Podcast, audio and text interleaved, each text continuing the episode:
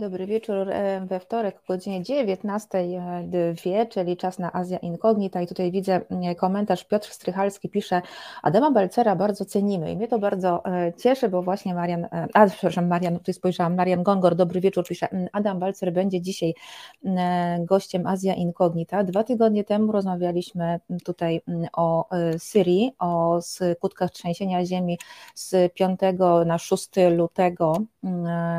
To trzęsienie ziemi na nawiedziło syryjsko-tureckie pogranicze. Rozmawialiśmy o Syrii. E, zaczęłam, chciałam specjalnie zacząć od Syrii, od Syrii, bo o niej troszkę mniej się mówi w mediach głównego nurtu. Natomiast dzisiaj porozmawiamy o Turcji o tym, y, jak wygląda w tej chwili e, sytuacja e, w tym kraju i jak przedstawia się też sytuacja polityczna, bo jak się okazuje, to trzęsienie ziemi może mieć wpływ także na majowe wybory. Recep, Recep Tayyip Erdogan właśnie niedawno ogłosił, że 14 maja w Turcji odbędą się wybory prezydenckie, ale to nie jedyny temat. Żeby nie przedłużać, zaproszę już e, e, naszego dzisiejszego gościa, Adam e, Balcer, dyrektor programowy Kolegium Europy Wschodniej. Dobry wieczór.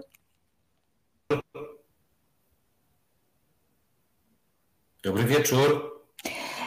Zacznijmy od tego, że trzęsienie ziemi w Turcji zwróciło uwagę całego świata i właściwie cały świat pospieszył na pomoc. Czy ta pomoc okazała się efektywna?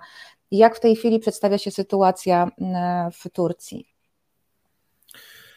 To było największe trzęsienie w historii Turcji w dzisiejszych granicach od 1500 lat. To musimy sobie zdać z tego sprawę, że to naprawdę e, była wielka katastrofa, kataklizm. Zginęło oficjalnie w tym momencie jest prawie 50 tysięcy ofiar, może być jeszcze znalezionych więcej.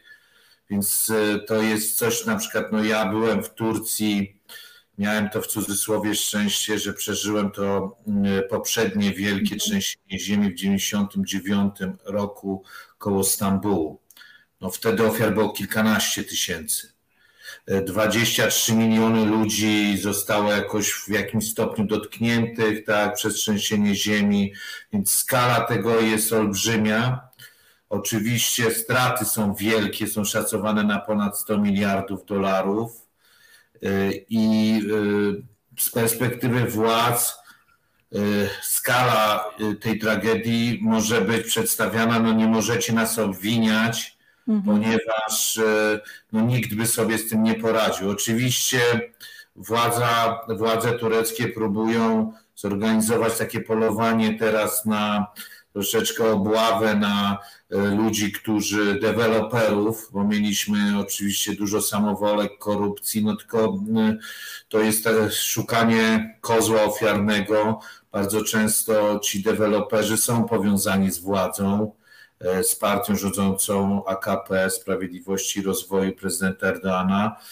I e, to akurat te regiony kraju, które zostały najbardziej doświadczone, przez i najbardziej wycierpiały ze względu na trzęsienie ziemi, no to są tak zwane bastiony, nie licząc powiedzmy Diyarbakir, który jest kurdyjski, to jest y, inna sytuacja, to e, generalnie to są bastiony AKP i tutaj no, partia prezydenta ma ten problem, no, że było dużo relacji o tym, że już po trzęsieniu ziemi e, no, państwo miało poważne problemy z E, działaniem typu, że ludzie nie mieli wsparcia e, e, materialnego, psychologicznego i był problem z namiotami, z jedzeniem, z na przykład też coś takiego, że nagle się okazało, że ludziom zaczęto w bardzo korzystnej, atrakcyjnej cenie sprzedawać namioty i to też był skandal.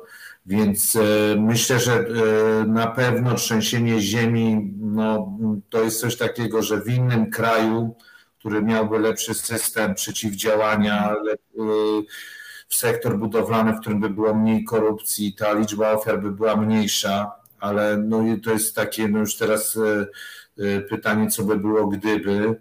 I druga kwestia, że no pewnie zadziałałoby lepiej e, państwo typu, nie wiem, Japonia, tak, która mm. jest w podobnej sytuacji jak Turcja.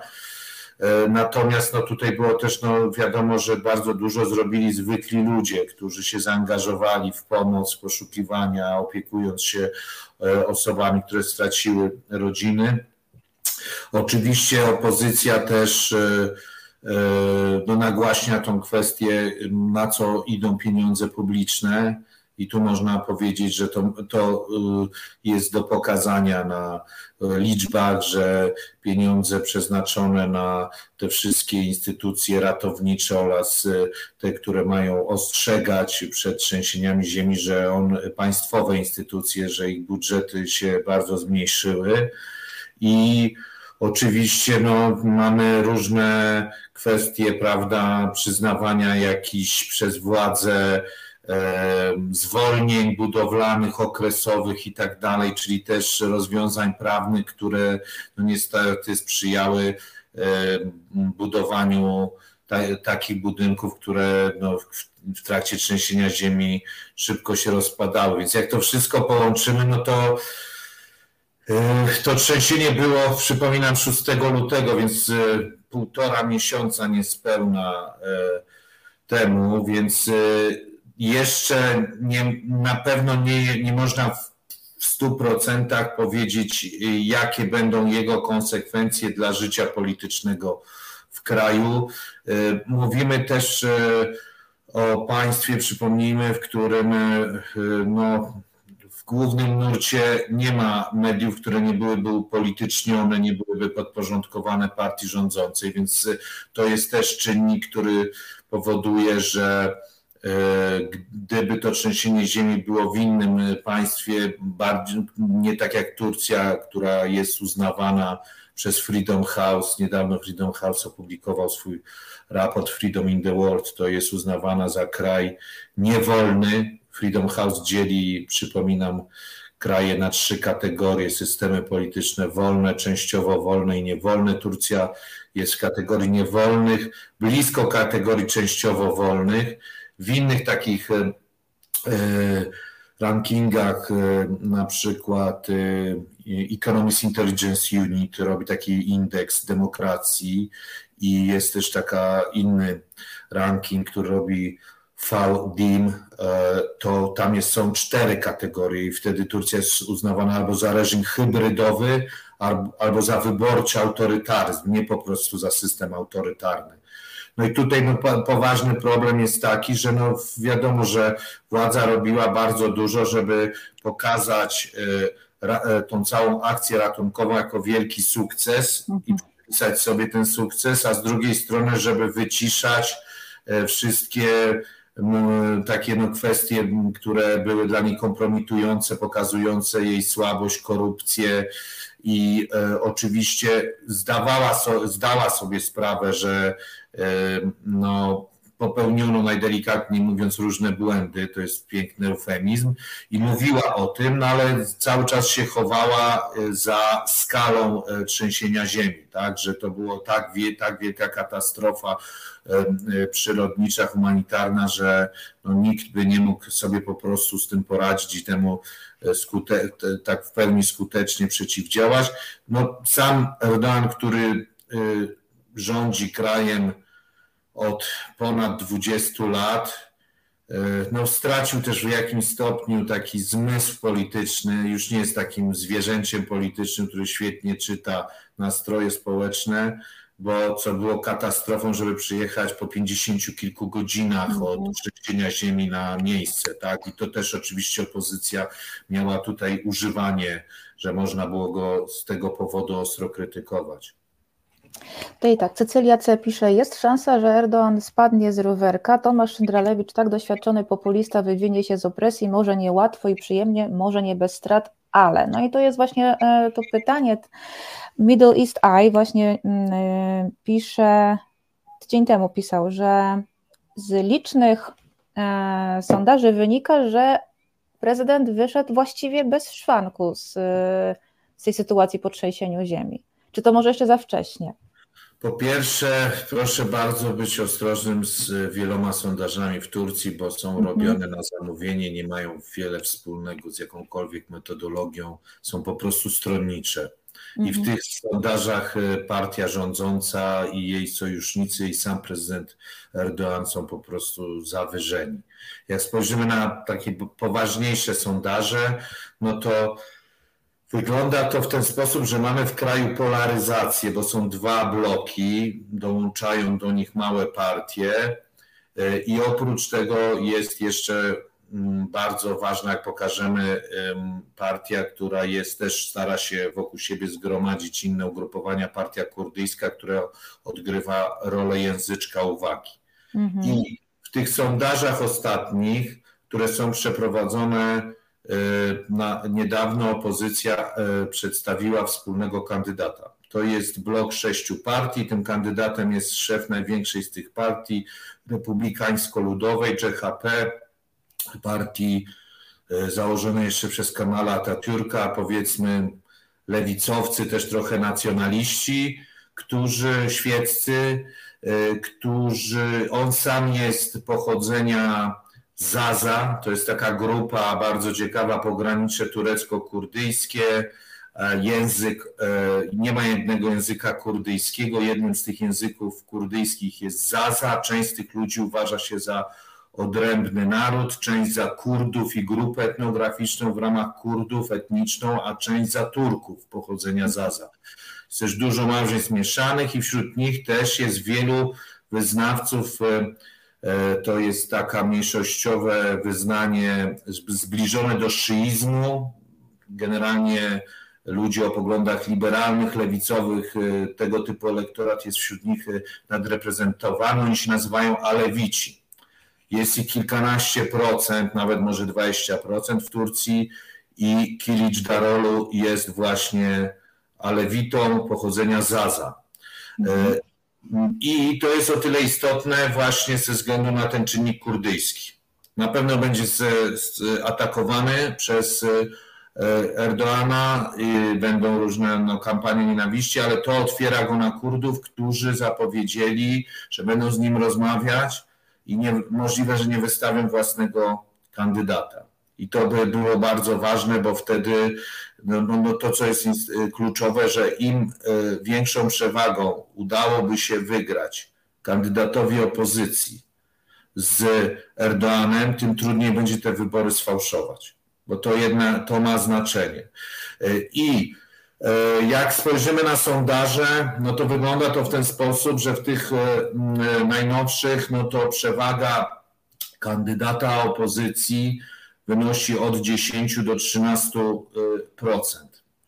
Y, I może zobaczymy, co będzie dalej. Wybory są za niecałe, za dwa miesiące, tak? 14 maja pierwsza tura i to jest bardzo ważne też, że y, oczywiście y, są one połączone, bo mamy system prezydencki z wyborami. Nie ma pre, premiera w Turcji, tylko prezydent jest jednocześnie szefem rządu. I oczywiście e, e, to jest też coś takiego, że jeśli będzie druga tura, e, chociaż nie sądzę, tak, bo musiałby wystartować ten kandydat kurdyjski, no mamy wielki plebiscyt i to powoduje też, że mamy coś takiego, że w Turcji frekwencja jest bardzo wysoka, jest też kara finansowa, mandat za niegłosowanie. Myślę, że tutaj będzie naprawdę osiągnie nawet może 90% frekwencja, więc to powoduje, że no jest też taka część elektoratu, którą e, e, Erdoğan e, wykracza poza poparcie dla własnej partii, bo jego partia to teraz jest mniej więcej 30%. I po, oprócz tego jest w sojuszu z, z partią taką skrajnie prawicową nacjonalistyczną Ruchu Narodowego, MHP, i do tego jeszcze stara się zebrać już taki plankton, Natomiast e, no jest e, pytanie, jak zachowają się właśnie Kurdowie. E, w, w ramach tego bloku sześciu partii opozycyjnych, które wystawi, wystawiono właśnie Klucz Darolu, on ma bardzo mocnych wiceprezydentów. To są burmistrzowie, to właśnie pokazuje, że Turcja no nie jest na przykład jak Rosja, tak? że mamy w ogóle takie wybory i e, taką polaryzację, dlatego jest nazywana tym reżimem hybrydowym albo wyborczym autorytaryzmem, bo mamy dwóch prezydentów, Imamolu i Jawasza, którzy są e, burmistrzami największych miast, czyli Ankary i Stambułu. Stambuł jest, jak Państwo wiedzą, pewnie największym miastem w ogóle w Europie, gigantem, jak średniej wielkości państwo. Więc ma bardzo mocną ekipę, e, której nie ma Erdoğan, bo nie może się tym pochwalić, bo to towarzystwo za nim jest groteskowe, tak, no nazwijmy, to są ludźmi, którzy są przytakiwaczami i mają naprawdę, no są bez znaczenia, tak. Natomiast tutaj mamy no taki, pytanie jest oczywiście takie, że ta kwestia kurdyjska jest y, no, trudna w Turcji, jest na jej punkcie, można powiedzieć, jest obsesja pewna, tak, bo jest postrzegana jako najpoważniejsze wyzwanie dla państwa. I w ramach tego bloku opozycyjnego no jest też partia ważna, dobra partia, która jest partią nacjonalistyczną. Można powiedzieć, że to przypomina e, e, ten Jobbik po metamorfozie, tak? który mhm. przesunął się, wyszli z tej skrajnej prawicy i przesunęli się do środka. Tak? I oni no, mają problem z tym, że Kylicz Darolu rozmawia z Kurdami i potrzebuje ich głosów, Natomiast no, z drugiej strony no, zdają sobie sprawę, że te wybory są strasznie ważne i jeśli się połączyli i poparli, e, wcześniej się połączyli, a teraz poparli Darolu, no to myślę, że zda, zdają sobie sprawę z tego, że to jest no, mniejsze zło, ta rozmowa z Kurdami, uzyskanie ich poparcia. Tu jest pytanie, e, ja, ja miałam zadać inne na razie, ale Max Fuller. E, przepraszam, to może dodam jedną rzecz, że jak spojrzymy na te, bo żeby pokazać, jak to jest te bloki partyjne, mhm. to e, ten blok sześciu partii opozycyjnych według tych wiarygodnych sondaży to ma ponad 45%, 46, 7 czasami. Drugi jest blok AKP, partia prezydenta Erdoana, skrajna prawica i plankton to jest powyżej 35%, 37%, czy jest mniej więcej 10% około różnicy. No i zostają Kurdowie, którzy razem z małymi partiami to jest ponad 10 do 12%. No i jest jeszcze kilka maleńkich partii, które łącznie może zdobędą kilka procent. Te głosy oczywiście by się przydały, żeby te partie teraz, dlatego że stopień tej polaryzacji, emocji i znaczenia tych wyborów powoduje, że y, oczywiście tych dwóch najważniejszych polityków rozmawia z, z planktonem, który stawia bardzo często wygórowane warunki, bo ma świadomość, że każdy głos się liczy i y, to jest coś takiego, że tylko jeszcze Państwu przypomnę, że no Turcja jest krajem z wysokim progiem. Kiedyś to było 10%, mhm. teraz to jest 7%. Tutaj y, Max Fuller pyta, kto wygra Stambuł, ten wygra Turcję. Co gość na to? Y, to nie jest aż tak proste. Mhm. Natomiast e, tak, e, Stambuł jest miastem, który oprócz tego, że tak jak powiedziałem, jest tym olbrzymem, e, który też odgrywa wielką rolę w gospodarce tureckiej, no to mamy bardzo dużo ludzi. To miasto dokonało gigantycznego skoku demograficznego w drugiej połowie XX wieku i mamy bardzo dużo ludzi napływowych. No, olbrzymia większość to tureckie słoiki i jest bardzo dużo ludzi, którzy są też e, z centralnej, wschodniej Turcji i jest też wśród nich bardzo dużo Kurdów. To jest tak naprawdę największe miasto kurdyjskie na świecie. I pod tym względem czasami jest nazywany Turcją w pigułce, małą Turcją, tak? I Oczywiście w porównaniu z niektórymi regionami na wschodzie, które tutaj też proszę pamiętać, bo to jest takie proste przekonanie, że wschodnia Turcja to monolit.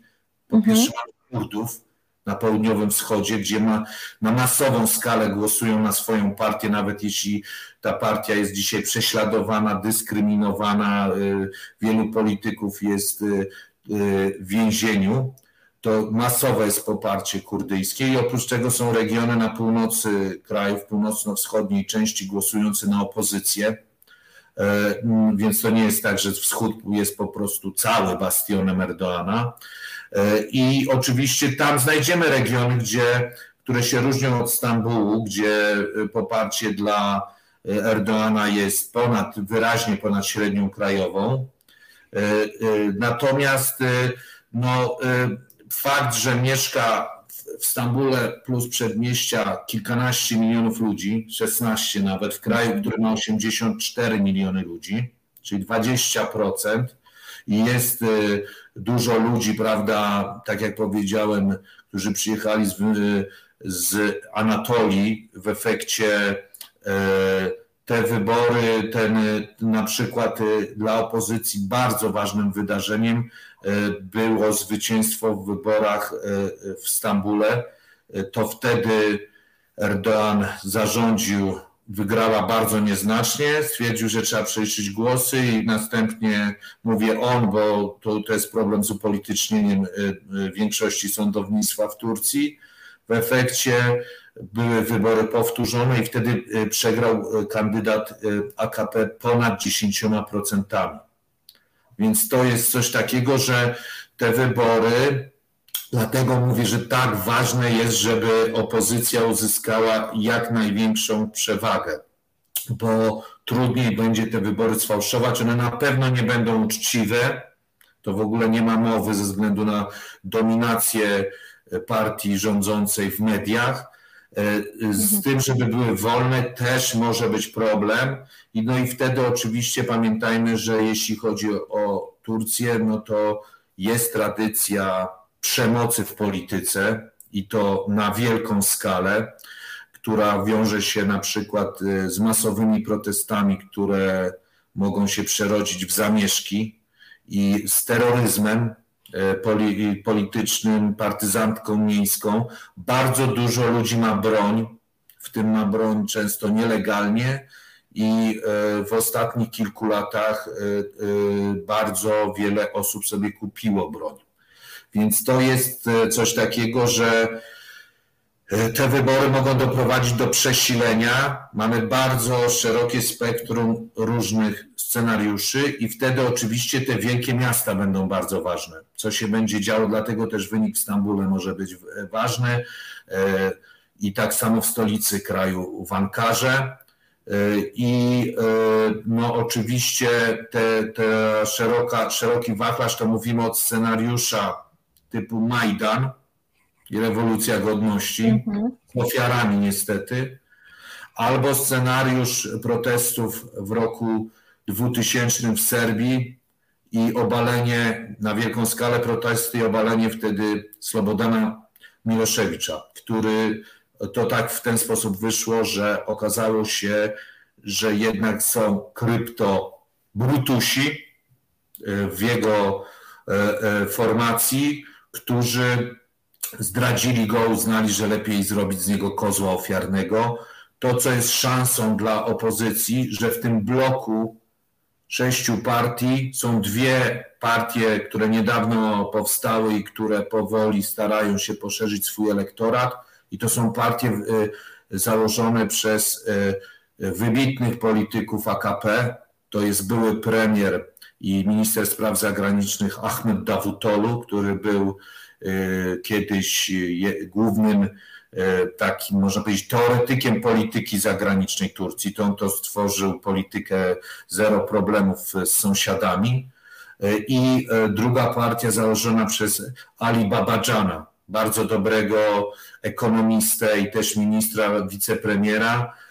I tutaj no, ci ludzie możemy założyć, że oni mają telefony do kolegów, którzy są w partii rządzącej, że utrzymują z nimi kontakty i jak będzie ten moment przesilenia, no to te kontakty mogą być bardzo ważne, e, żeby po prostu, e, gdyby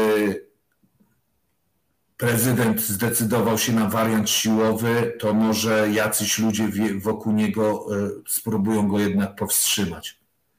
Ale czy czy fakt, że mówiono, że wybory ze względu na trzęsienie ziemi, wybory prezydenckie mogą być odsunięte, a mimo wszystko mimo wszystko prezydent zdecydował się na 14 maja je ogłosić. Czy to oznacza, że jest bardzo pewny swojego zwycięstwa? Tutaj jest problem prawny, mhm. który polega na tym, że on e, tak naprawdę to, co się teraz e, dzieje, to jest kandydowanie po raz trzeci. Mhm. Oczywiście on może liczyć na prawników, którzy nam, teraz jestem sarkastyczny, wytłumaczą, że przecież mamy nową konstytucję, nowy system prezydencki. On nie kandyduje po raz trzeci, tylko po raz drugi. Wszystko się wyzerowało. Natomiast w Konstytucji jest oczywiście taki zapis, że jeśli e, może kandydować kolejny raz e, i to nie, nie wtedy dwie kadencje, jeśli wybory są przedterminowe. I ten miesiąc, normalnie powinny wybory być w połowie czerwca. I fakt, że nie są w połowie czerwca, e, no to jest podstawa prawna i zgodziła się na to opozycja, uznając, że trzeba go pokonać przy urnach wyborczych, w lokalach wyborczych, a nie, no nie ma opcji, żeby to zrobić e, na przykład na drodze prawnej, bo tak jak powiedziałem, stopień upolitycznienia sądownictwa jest wysoki, więc nie ma co iść do sądu konstytucyjnego i tak dalej, bo to nic nie da.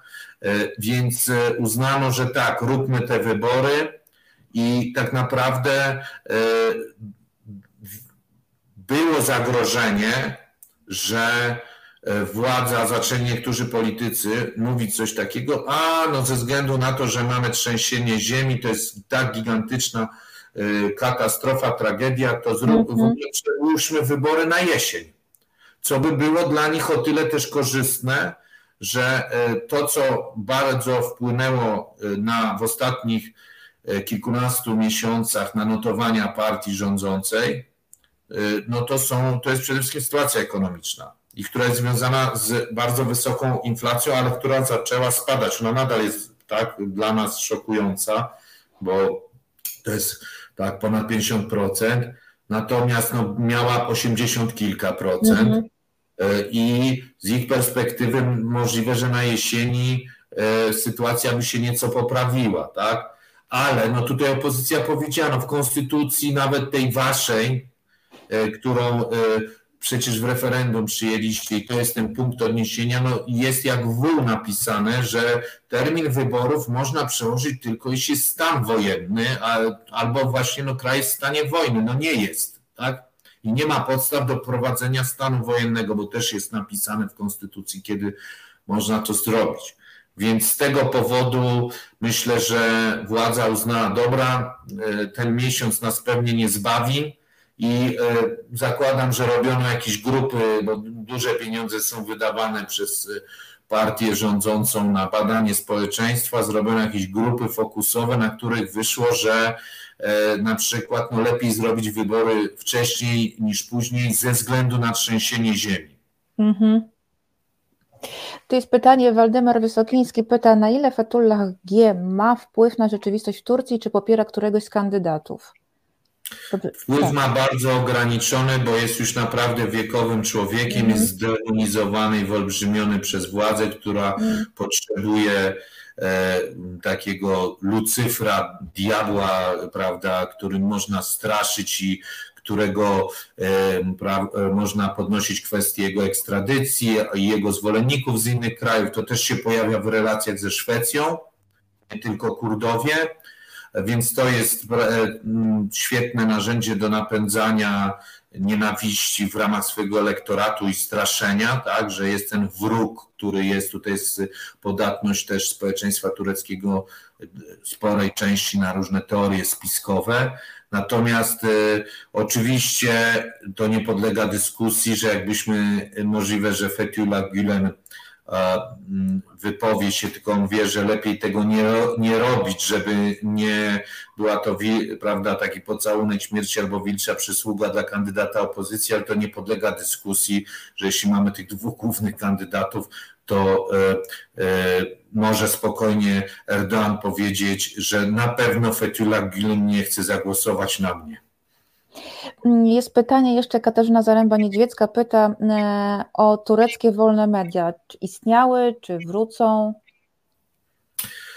No, na pewno warunkiem, żeby coś się zmieniło, no to jest odsunięcie od władzy e, prezydenta i wtedy można się spodziewać, że e, też nawet na takim poziomie autocenzury, że dziennikarze zaczną się zachowywać inaczej, zaczynając od tak jakichś takich e, podstawowych rzeczy, a oprócz tego, no to no tak, kiedyś Turcja była, jakbyśmy spojrzeli na e, dawne, e, na przykład e, już tego Freedom House nie robi, ale kiedyś miał taki też ranking wolności mediów. No mhm. To media tureckie były częściowo wolne i to było bardzo charakterystyczne, to takie, przepraszam, memento mori dla Polski, ale to widać też w innych krajach, że zaczyna się od mediów, i ten spadek e, w tym rankingu z kategorii częściowo wolnych mediów do niewolnych poprzedził, że to samo się stało z systemem politycznym w Turcji. Teraz musimy zrobić krótką przerwę, bo jak zwykle się e, zagadałam e, i wrócimy do rozmowy za dosłownie 2-3 minuty. Maćka poproszę o krótką piosenkę, bo jeszcze mamy bardzo dużo tematów do omówienia. Czas na związki. Czas na nowoczesne, postępowe związki zawodowe. Będzie kontrowersyjnie i dynamicznie. Rozmawiamy o sprawach, które mogą nas łączyć lub dzielić, jak na przykład kwestia wysokości podatków czy rola związków zawodowych. W programie pojawią się eksperci rynku pracy oraz związkowcy i związkowczynie. Każdą środę na 17 Piotr Szumlewicz zaprasza do Resetu Obywatelskiego. W środę, na razie jest wtorek, 19.37, e, czyli trwa Azja Inkognita. Adam Balcer, dyrektor programowy Kolegium Europy Wschodniej, jest dzisiaj moim i waszym e, gościem. E, co prawda powiedziałam, że, że przejdziemy do kwestii zagranicznych, ale jeszcze mm, chciałabym tak zapytać może szybko mm, w ogóle o poparcie dla obecnego prezydenta Erdoana. Czy ta hiperinflacja, o której Pan już wspomniał, rosnące koszty życia, spadek wartości waluty jakoś w ogóle wpłynął na poparcie e, dla prezydenta, czy też, tak jak pan powiedział, te sondaże są tak niewiarygodne, że nic o tym nie wiemy? No nie, no powiedziałem, że są sondaże, które są bardziej znacznie wiarygodne. No tak.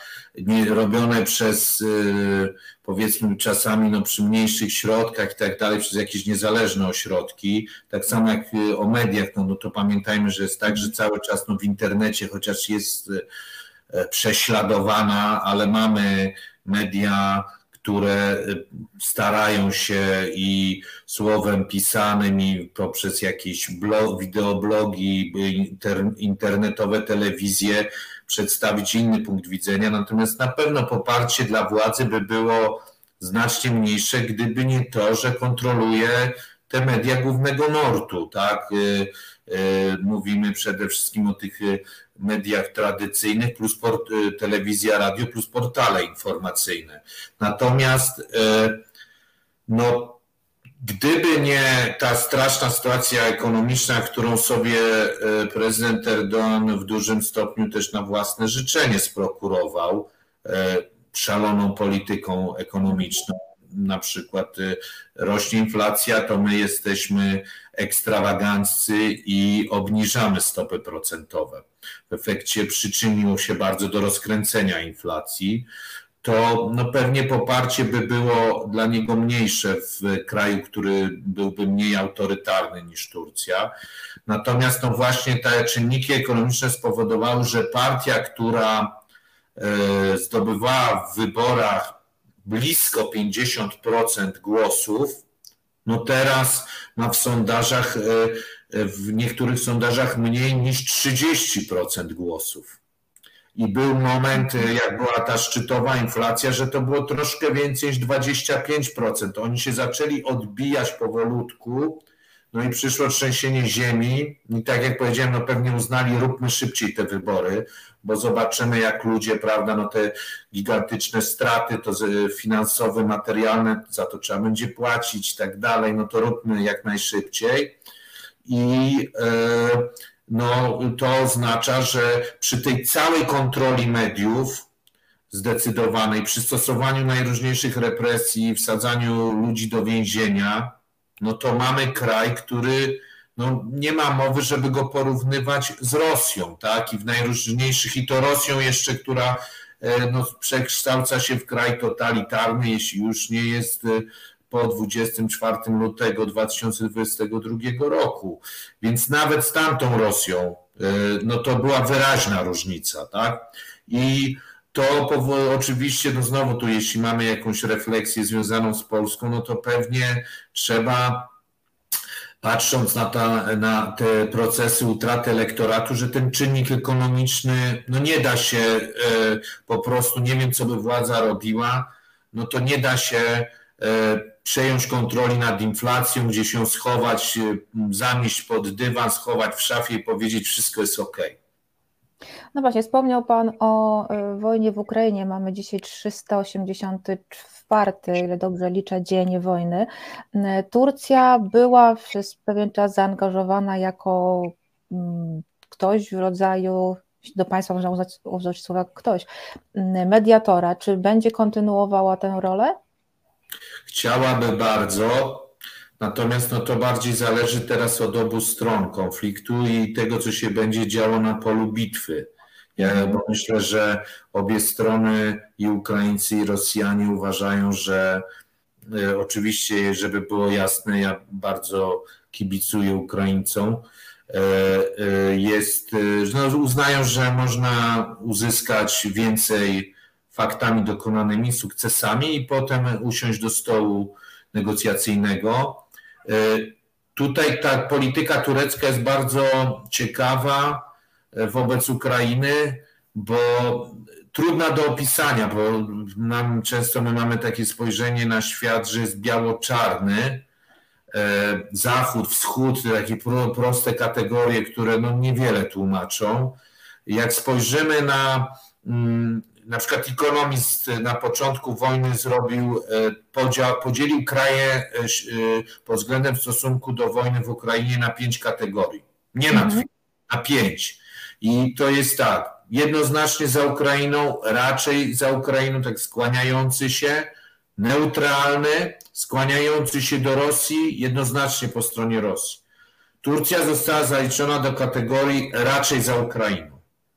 Z tego powodu, że oczywiście y, tak, nie nałożyła sankcji y, na Rosję, y, korzysta z tego, że prawda, Rosja im sprzedaje, bardzo wzrósł na przykład handel z Rosją, tylko to jest problem, pytanie do władz znowu, czy mają gigantyczny deficyt handlowy z mhm. Rosją, który wzrósł i to się odbija na deficycie na rachunkach bieżących. Oczywiście wcześniej Rosjanie mogli mówić, no nie ma problemu, przecież u nas bardzo dużo budujecie, no nie bardzo teraz, albo e, macie naszych turystów. Tak, tylko turystów jest, e, e, mimo że jest dużo, to jest znacznie mniej niż mogłoby być i powinno być. Tak? Udział procentowy Rosjan spadł znacząco, jeśli chodzi o liczbę turystów. I tutaj oczywiście, czyli mamy ten cały aspekt, a z drugiej strony Turcja jest krajem, który, jeśli chodzi o wsparcie militarne, no to my kojarzymy ich z dronami Bayraktar. Ale to nie jest tylko to, bo Turcja dostarczyła na przykład Ukrainie wozy bojowe opancerzone piechoty, dostarczyła moździerze, dostarczyła turecką wersję Hajmarsów z rakietami dalekiego zasięgu. Tutaj jest paradoks takiej okrutnej historii, że one jeżdżą na podwoziu ciężarówki Kamas rosyjskiej i z nią się poruszają, strzelają. E, różne, różna oczywiście amunicja, e, taka broń elektroniczna do, do walki właśnie elektronicznej na polu walki, e, różne też rakiety do, i mniejsze drony, więc to jest, jak weźmiemy tą całą pomoc, to jest dość sporo. plus na przykład no, ta współpraca była wcześniej, jest podtrzymana przez Turcję i Ukrainę. E, przypominam, że 2 października zeszłego roku w tureckiej stoczni matka, matką chrzestną jest e, pani e, pierwsza dama, pani Zełańska. Został zwodowany, zwodowana fregata, która się nazywa Hetman Iwan Mazepa, zbudowana przez Turków. To będzie okręt flagowy marynarki wojennej ukraińskiej. Na pewno jest to w tym momencie e, bezdyskusyjnie będzie jeszcze jeden, to, to, są, to jest nowoczesny okręt. Tak? E, I e, jeśli chodzi o głosowania w Zgromadzeniu Ogólnym ONZ-u, no to może Ukraina liczyć na Turcję. We wszystkich było sześć głosowań. We wszystkich Turcja głosowała za Ukrainą. Niektóre z nich są no, istotne, bo na przykład żądają od Rosji reparacji, żądają od Rosji, żeby, e, prawda, zapowiadają, że albo sądy miejscowe, albo rosyjskie, albo międzynarodowe powinny osądzić e, sprawców zbrodni po stronie rosyjskiej, wyrzucenie Rosji też e, z Komitetu Praw Człowieka ONZ-u, komitetu chyba, tak, nie, to albo komisja. E, I no jak to wszystko połączymy, no to na pewno nie można Turcji uznać, do, zaliczyć do grona kraju, który, tych państw, które są jednoznacznie po stronie Ukrainy, ale jest przechył wyraźny. Turcja też liczy na to, bo ma, pamiętamy, to też można, wiemy o tym no też z Polski, bo Mamy drugą linię metra, w którą byli Turcy też budowali jako razem z firmą włoską. Mamy obwodnicę wokół Warszawy, więc sektor budowlany na całym świecie mhm. aktywni i no liczą bardzo, mają już nawet podpisane z Ukraińcami e, umowy. E, z tego powodu, że e, są obecni od lat w Ukrainie. Ich obecność y, nawet wzrosła na kilka lat przed rozpoczęciem e, wojny i to znacząco wzrosła firm tureckich budowlanych. Blisko jest, przez, myślę, że tym portem, takim hubem będzie Odessa. Więc y, to jest też dla Turcji szansa, a z drugiej strony, no patrząc na Rosję, no to oczywiście no, zdając sobie sprawę, że no, to nie jest jakiś rynek e, na, i kraj, który z punktu widzenia gospodarczego, biorąc pod uwagę nawet ten sektor turystyczny, no to można e, zakładać, że ten rok, jeśli tak to dalej będzie wyglądać, e, kondycja gospodarki rosyjskiej, to tylko przypomnę Państwu, że po dwóch miesiącach Rosja ma już e, zrealizowała swój deficyt budżetowy w 90%. Jeśli nic nie zrobi, to będzie miała sześć razy większy deficyt budżetowy niż zakładany. A co może zrobić, żeby go, żeby powstrzymać? To no, nakładać podatki. Tylko to jest mhm. błędne koło, bo wtedy gospodarka to pogłębi, prawda, recesję i problemy ekonomiczne. Więc to o tym Turcy też myślą. Ciekawa jest sytuacja ze społeczeństwem tureckim bo jest podzielone. Niedawno były badania takie przeprowadzone właśnie, co myślisz, czy Rosja, y, to y, rola Rosji w Twoim kraju, pozytywna czy negatywna? Ponad 40% odpowiedziała, że negatywna, 30% że pozytywna. Jak było pytanie, kto jest winny wojny w Ukrainie, kto najbardziej odpowiada, no to ponad 40% Turków odpowiedziało, że Rosja, no ale 30% e, odpowiedziało Stany, Unia e, i Ukraina. Więc mamy coś takiego, to jest też często skorelowane z różnymi sympatiami politycznymi, więc to nie jest tak. E, oczywiście to Turcja nie jest jedynym takim krajem na świecie, bo nawet w Unii Europejskiej znajdziemy kraje, gdzie okazałoby się, że są bardziej mm. takie opinie prorosyjskie niż w Turcji, ale to, e, to jest związane z tym, że mamy kraj, który z jednej strony jest tradycja naprawdę wielu wojen z Rosją, które doprowadziły do upadku Imperium Osmańskiego, bo na początku Turcji szło nieźle, a potem te wojny w XIX wieku przegrywała. To Rosja wymyśliła to określenie, że Turcja jest chorym człowiekiem Europy. Jesteśmy w audycji o Azji, większość terytorium była w Azji, ale generalnie no wiemy, wiemy, że Stambuł w większości jest w Europie i centrum imperium, do które, które dla Turków jest bardzo ważnym punktem odniesienia, było tam. Mamy dużo ludzi, którzy pochodzą z Kaukazu, z Krymu, z Bałkanów i doświadczyli ekspansji rosyjskiej, włącznie co w Polsce ta nasza wiedza o, o wschodzie, to często można mieć do niej spore zastrzeżenia. Doświadczyli ludobójstwa, masakr, zbrodni ze strony Rosji i jej sojuszników i ich potomkowie mieszkają w Turcji, są tego świadomi. Więc teraz na przykład jak e, czeczeńska diaspora werbuje ludzi do walki przeciwko Rosji po stronie ukraińskiej. To jest drugi problem w Polsce, że u nas wojna w Ukrainie, skojarzenie z Kaukazem to jest y, zbrodniarz z TikToka, pan y, Kadyrow. Natomiast y, jednocześnie są jednostki, które powstają i walczą po stronie ukraińskiej, właśnie złożone z ludzi z Kaukazu, z Azji Centralnej, Turan, batalion, tak? I mhm. one też właśnie działają w Turcji. W Turcji ci ludzie się spotykają i mówią publicznie o tym, że chcieliby na przykład z tych mniejszości mieszkających w Rosji, e, nie rosyjskich narodów Rosji, niepodległości, tak? I Turcja na to pozwala. Ale z drugiej strony mamy te wszystkie takie tendencje, e, prawda, że eurazjatyckie e, w przypadku Turcji, antyzachodnie, Tutaj jest przede wszystkim kwestia relacji ze Stanami Zjednoczonymi, które są traktowane jako partner, tak samo jak Rosja, ale ze względu na kwestię kurdyjską i zaangażowanie Amerykanów w Syrii, gdzie mamy e, Rożawę, mhm. de facto państwo kurdyjskie, tak, e, gdzie e, oczywiście są też żołnierze amerykańscy, E, ci Kurdowie mają też dobre relacje z Rosją, żeby nie, nie, nie ma co się oszukiwać. E, po to, żeby właśnie balansować, równoważyć e, Turcję, no to to powoduje, to jest jedna z ważnych przyczyn tej niechęci do Amerykanów. Oczywiście, jak mówiłem o Gülenie duchownym, którego Erdogan nienawidzi do szpiku kości, no to chciałby dokonać jego ekstradycji ze Stanów Zjednoczonych bo Gülen mieszka w Ameryce, tak? Więc to jest kolejny argument. I to powoduje, tu, tu wcześniej oczywiście były te wszystkie argumenty dotyczące, że Rosja to mm, partner ekonomiczny, teraz też można się spotkać z tą narracją, ale ona osłabła ze względu na problemy rosyjskie, ekonomiczne.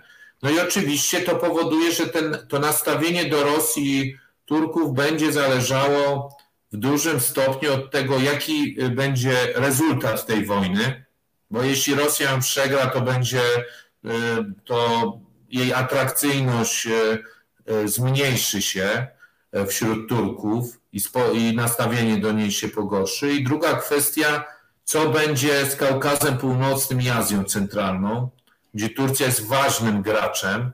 Oczywiście zależy gdzie, E, bo mm, są kraje, gdzie jest tak naprawdę, jak spojrzymy na Azerbejdżan, na Gruzję, teraz w Gruzji tylko jeśli chodzi o handel, to niestety tak to wygląda, że Rosja e, e, stała się, wyprzedziła Turcję, bo bardzo wzrósł handel gruzińsko-rosyjski. To jest nietypowe, bo jak spojrzymy na wiele innych krajów byłego Związku Radzieckiego, to coś takiego nie nastąpiło. Odwrotnie, na przykład przed wojną 20, prawie 5% handlu Kazachstanu, to jest największa gospodarka, było z Rosją. Dzisiaj to jest mniej niż 20% i ten rok może spowodować, że ten udział Rosji spadnie. Będzie na tym korzystać, będą bardzo korzystać Chińczycy, ale no Turcja jest tym krajem, który w niektórych z tych państw oprócz tego, że inwestycje bezpośrednie, właśnie sektor budowlany, wielkie, prawda,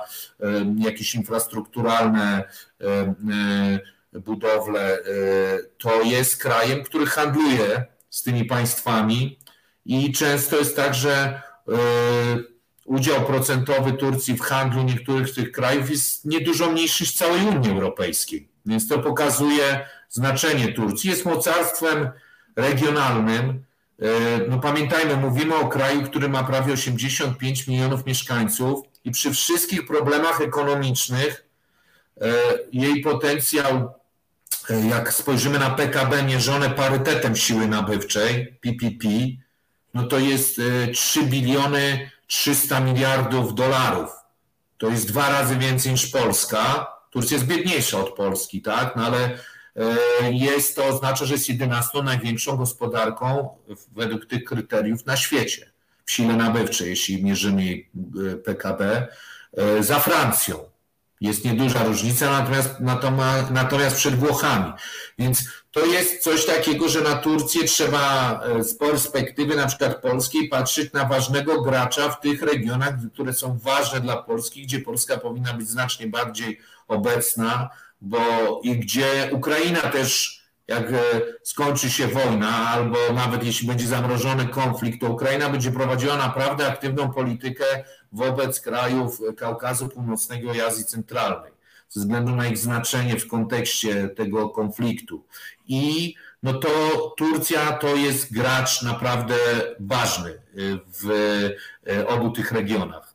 W mniejszym stopniu w Azji Centralnej ze względu na Chiny niż na Kaukazie Południowym, gdzie pokazała swój potencjał, wspierając Azerbejdżan, który no, bezdyskusyjnie wygrał wojnę z Armenią.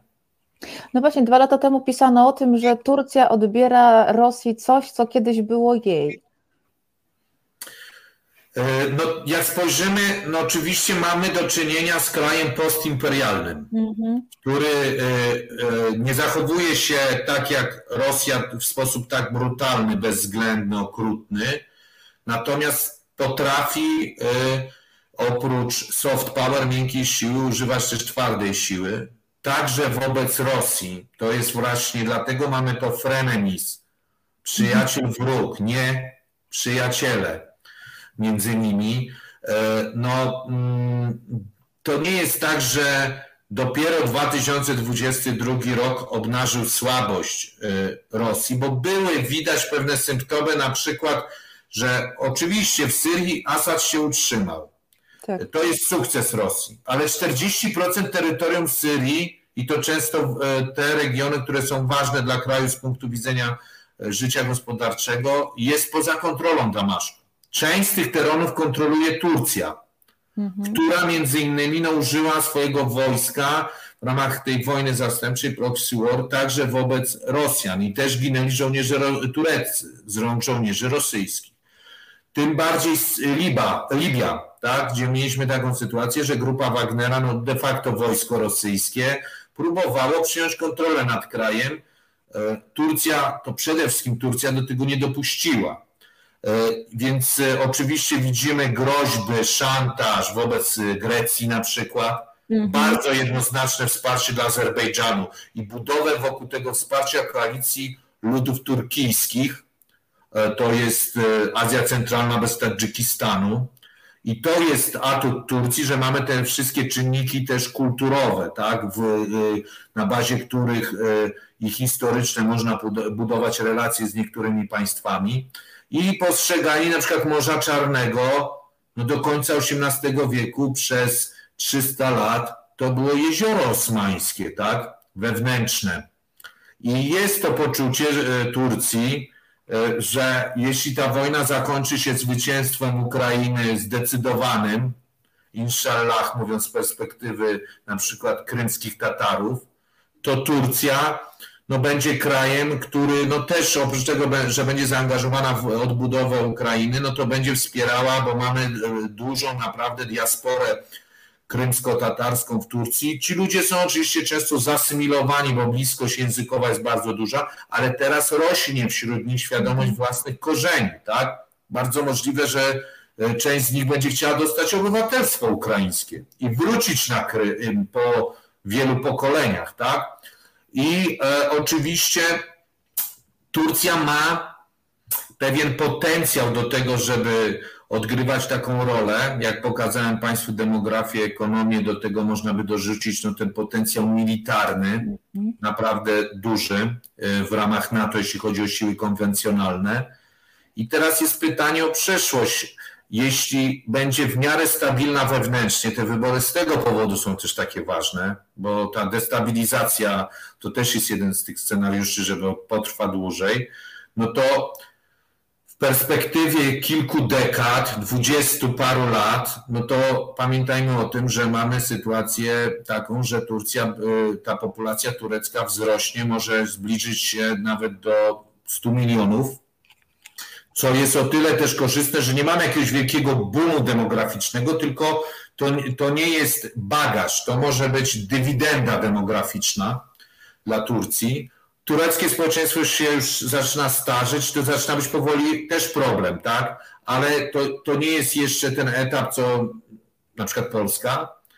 E, I wtedy no, Turcja e, e, będzie miała na przykład jako sąsiada Iran z podobnym potencjałem. To jest bardzo ważne, przyszłość Iranu. Mamy kolejne mocarstwo średniej wielkości. Znowu miejmy nadzieję, że kiedyś dojdzie tam do demokratyzacji. Mhm. I co z Rosją, która będzie miała trochę więcej. No zobaczymy, jakie będzie miała oczywiście, ilu ludzi będzie tam mieszkać, bo wiemy, że E, część prorosyjskich e, Rosjan z Ukrainy trafi do e, Rosji, ucieknie albo już teraz uciekło i tak dalej, no ale co z Białorusią, no ale można w tych granicach, jakie ma, Krym uznajemy oczywiście za Ukrainę, no to Rosjan będzie około 130 milionów, z tego udział nieetnicznych Rosjan wzrośnie. I to są przede wszystkim ludy turkijskie i ludy kaukaskie, które są powiązane bardzo historycznie kulturowo, oczywiście zależy od regionu, ale generalnie no, z Turcją.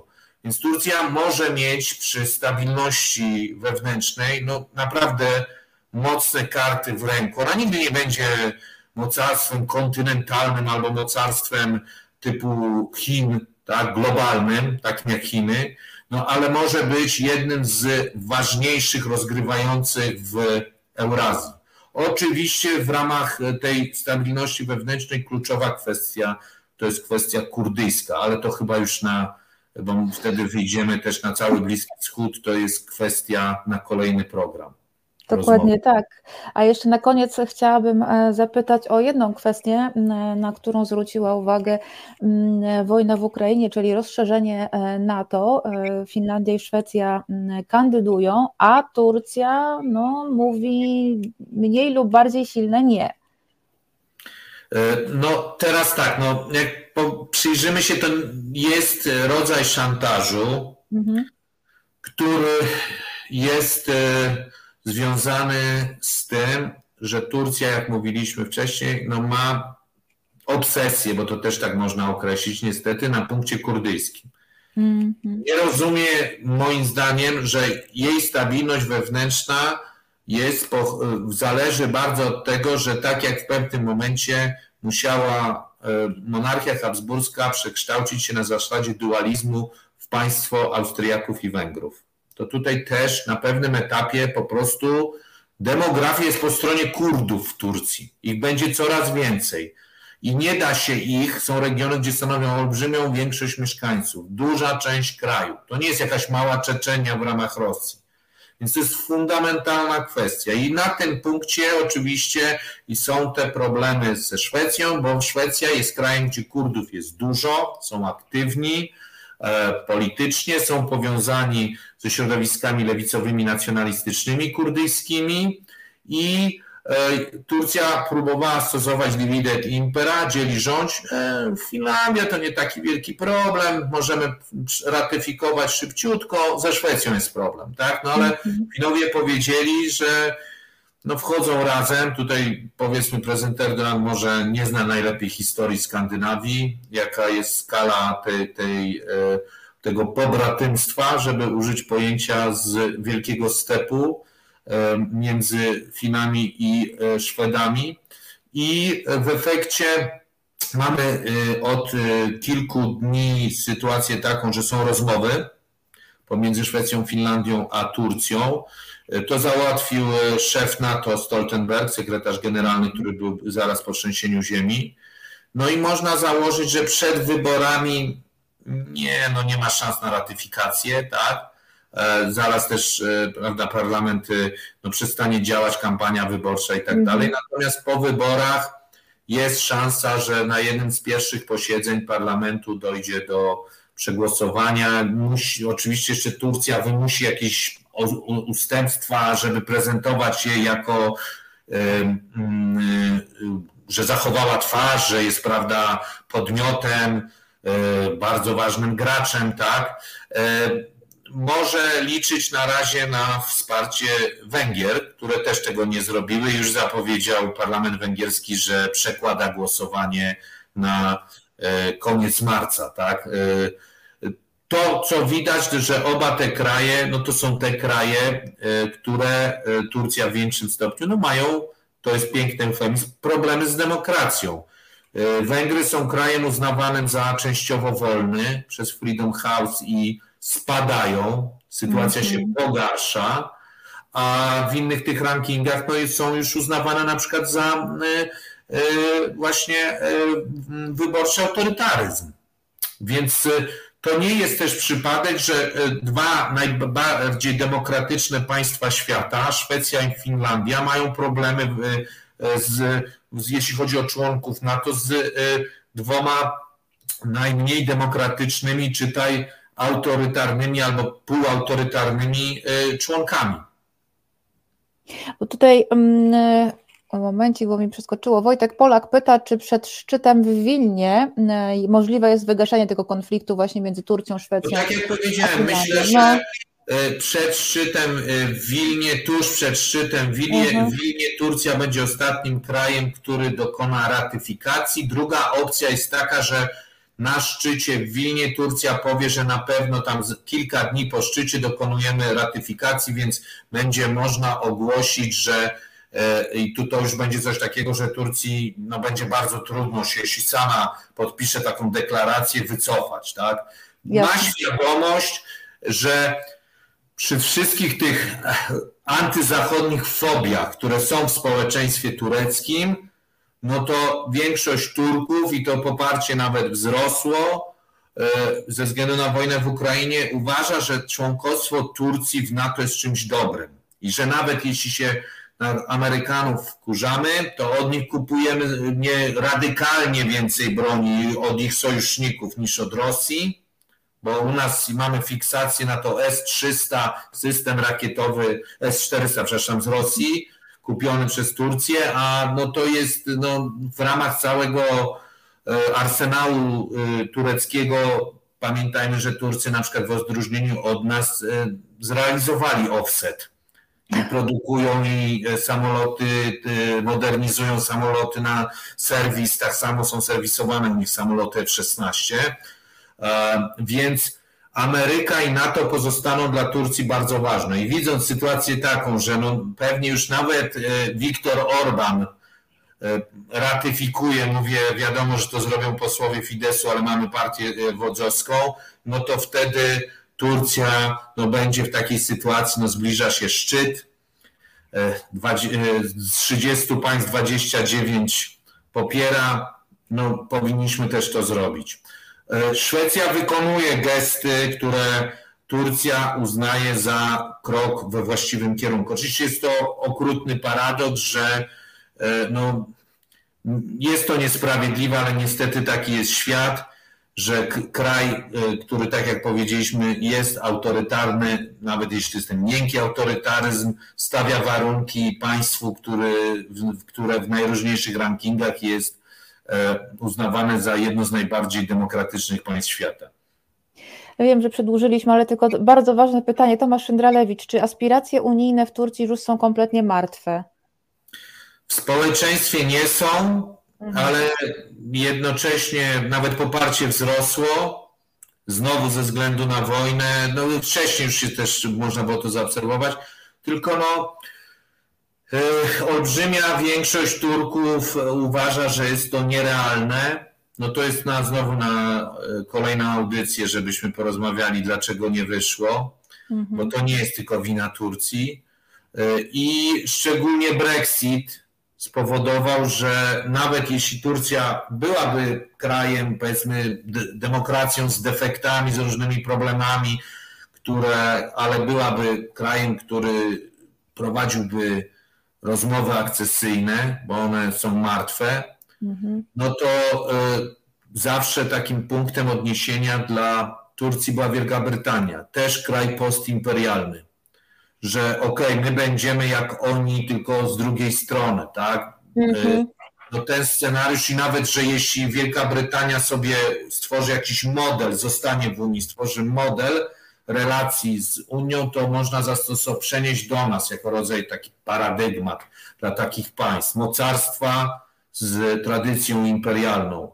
No ale wyjście Wielkiej Brytanii powoduje, że no ta cała układanka się zmienia. Oczywiście członkostwo Ukrainy spowodowałoby, no, że na przykład mam, mielibyśmy kraj, który byłby y, ważnym adwokatem Turcji w Unii Europejskiej, bo zakładam, że elita ukraińska, pamiętajmy, że nie mówimy o tej Turcji dzisiaj, tylko Turcji demokratycznej, bo to jest podstawowy mhm. no na pewno chciałaby, żeby taki kraj y, z takim potencjałem, jeśli y, byłby demokratyczny, to żeby był położony nad Morzem Czarnym, graniczący z Kaukazem Południowym, żeby był członkiem Unii. Rozumiem. Bardzo dziękuję za, za te wszystkie wyjaśnienia. Adam Balcer, dyrektor programowy Kolegium Europy Wschodniej, był moim gościem. Dziękuję bardzo mm, za tę rozmowę. A teraz robimy krótką przerwę i do Państwa już wracam tylko ja. Marcin Celiński i Radosław Gruca zapraszają na wyjątkowy i jedyny w polskich mediach program o procesie wyprowadzania Polski z Unii. To nie zaczęło się dziś i nie skończy jutro, to działania trwające od lat. Obnażymy twórców i apologetów polexitu. Pokażemy kalendarium tego projektu, skonfrontujemy propagandę z faktami. Bez wyjścia. Co czwartek od 19 w resecie obywatelskim.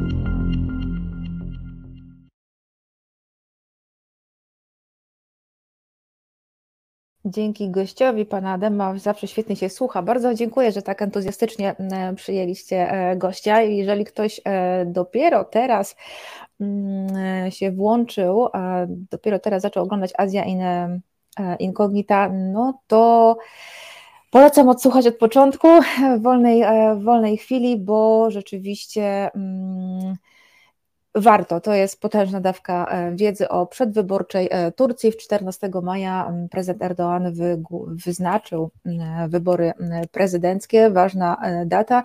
Mówiono o tym, że wybory będą przesunięte, a tymczasem pan Adam Balcer wszystko nam wyjaśnił.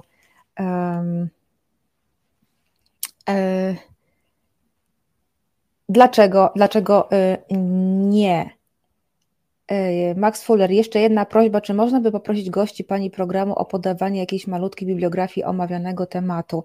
A, to ciekawe, rzeczywiście mm, e, ciekawy pomysł. Ciekawy pomysł, musimy mm, e, Muszę o tym rzeczywiście pomyśleć. Cecylia C. pisze świetny gość. Bardzo, bardzo Wam e, dziękuję. E, na pewno jeszcze Pana Adama do nas e, tutaj zaproszę. No ale teraz zmieniamy temat troszkę, troszkę lżej i na temat związany z więcej takich gości Bella. Słuchajcie, no staram się mm, Wam sprowadzać gości jak najlepiej.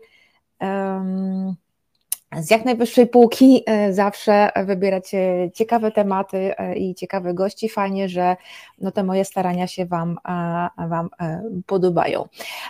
A teraz zmieniamy temat na moją największą miłość życiową. czyli kino. kino. Wracamy do nocy z niedzieli na poniedziałek, czyli nocy Oscarowej. Ja oczywiście jako wielka fanka um, kina raczej e, offowego, kina artystycznego niż e, komercyjnego. Bardziej zwraca uwagę na festiwale e, typu Berlinale, które się niedawno zakończyło, Wenecja czy Cannes, no ale Oscary też Tomasz Szędralewicz, film wiadomo, no raczej, Bella, moja też kino, no to super Bella, że się tak rozumiemy.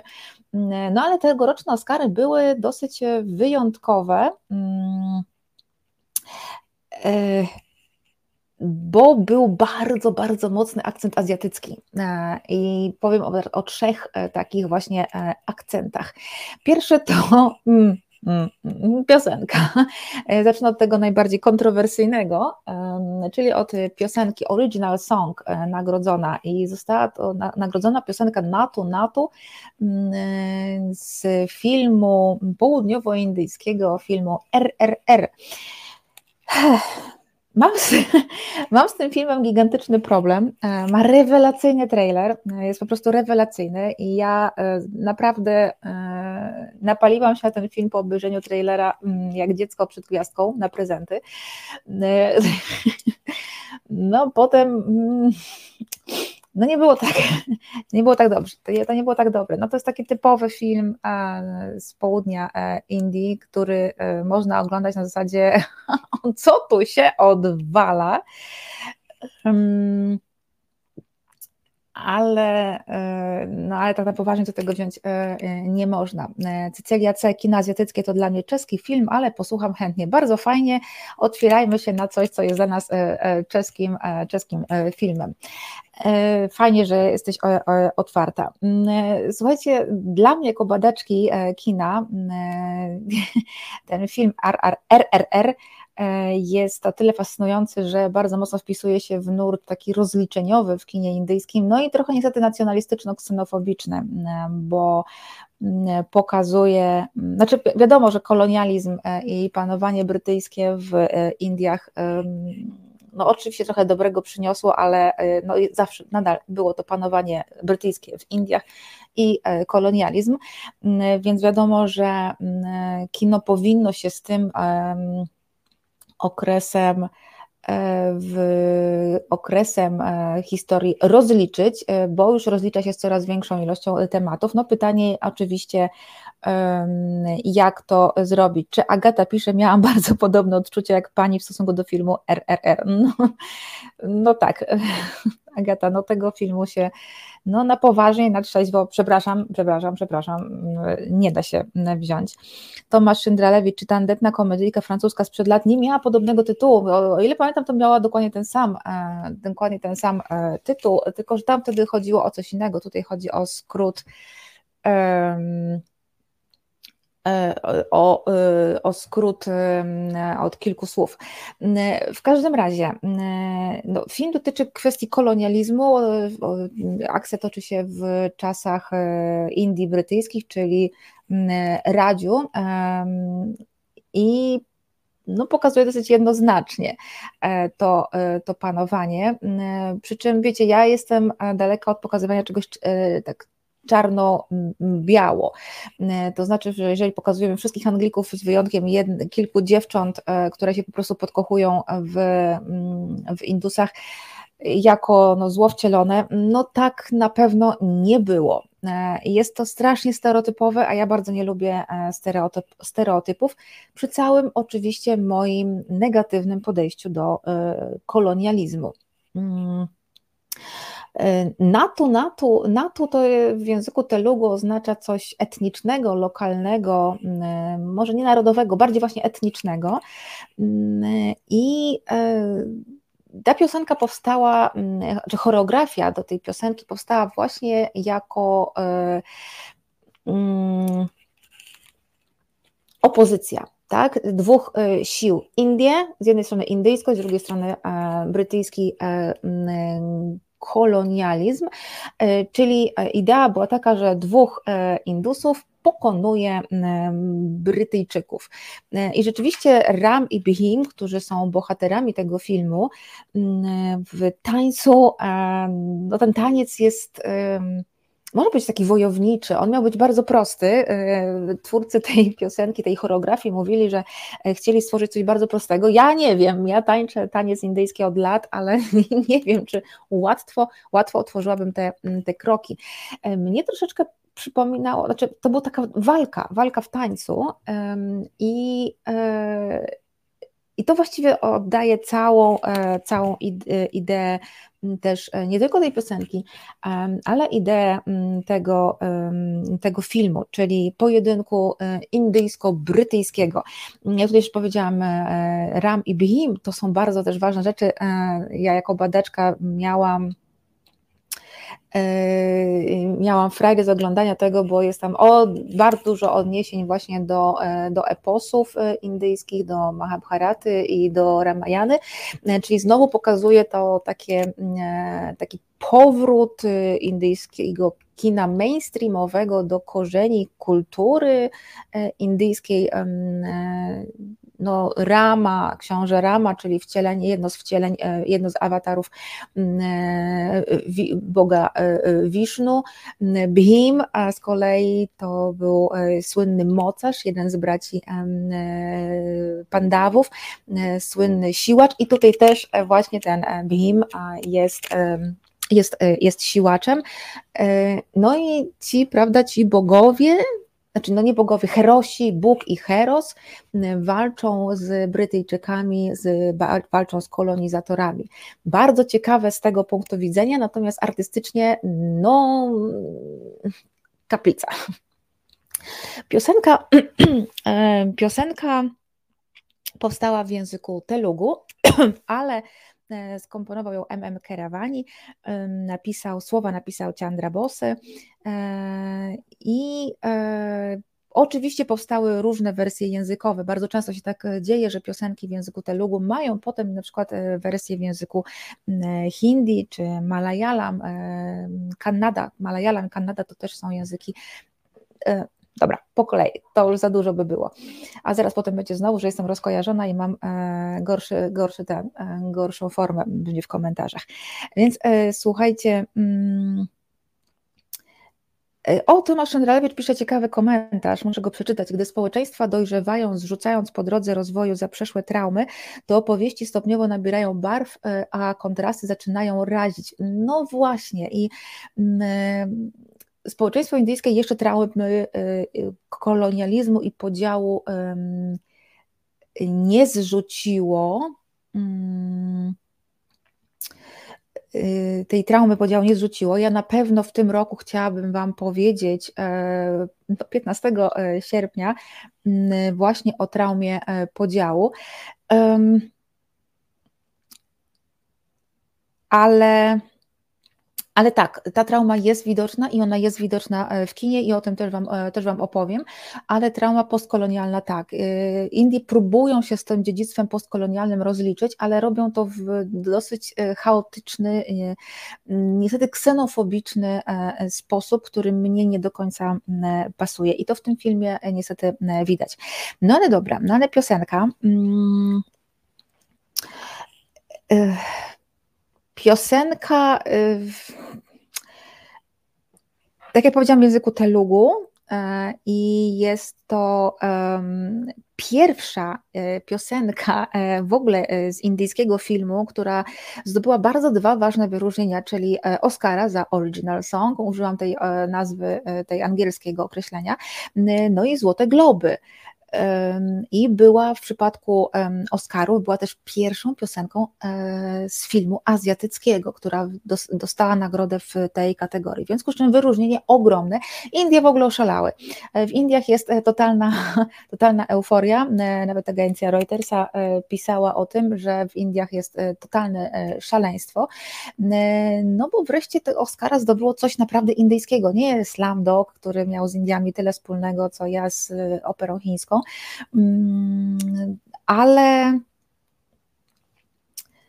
y, ale y, no jest to piosenka no, no jak to dzisiaj napisał y, ktoś na, znaczy mój znajomy na mm, profilu na Facebooku Kulturazji, no jest dużo lepiej, więcej lepszej muzyki indyjskiej do promowania na takiej imprezie jak Oscary.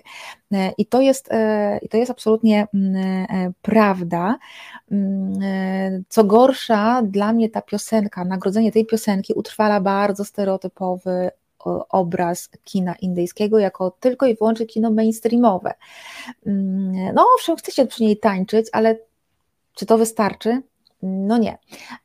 W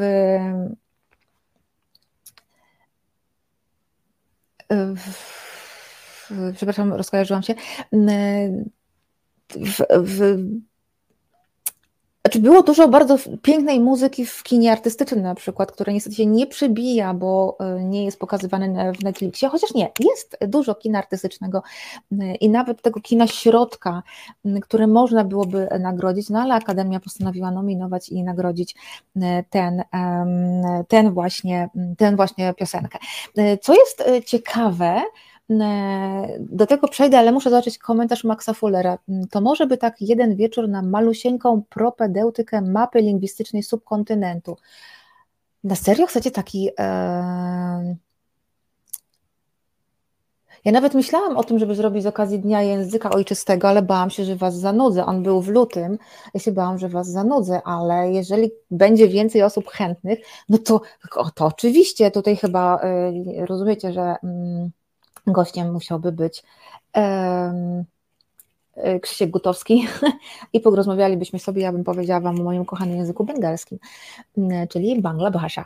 E, Tomasz Szyndralewicz um, ma Pani więcej wspólnego z operą chińską niż e, mało kto w naszym kraju. No tak, dziękuję. I teraz ciekawostka. Ciekawostka. Y, związana właśnie z piosenką e, NATO, NATO. Max Fuller jest. Kapitan Stator słuchałbym. Okej, okay. no, to, no to w takim razie zrobimy taki temat. E, bo powiem, przyznam szczerze, temat jest naprawdę fascynujący. To, że Bengalczyk się, y, Bengalczyk z filmu Telugu nie zrozumie tak? Czyli RRR, jak Bengalczyk ogląda, to raczej z napisami w hindi, nie mówiąc już po bengalsku, albo z napisami angielskimi. Dobra, wracamy do ciekawostki, bo ja się znowu rozkojarzam i będzie w komentarzach, że jestem w złej formie.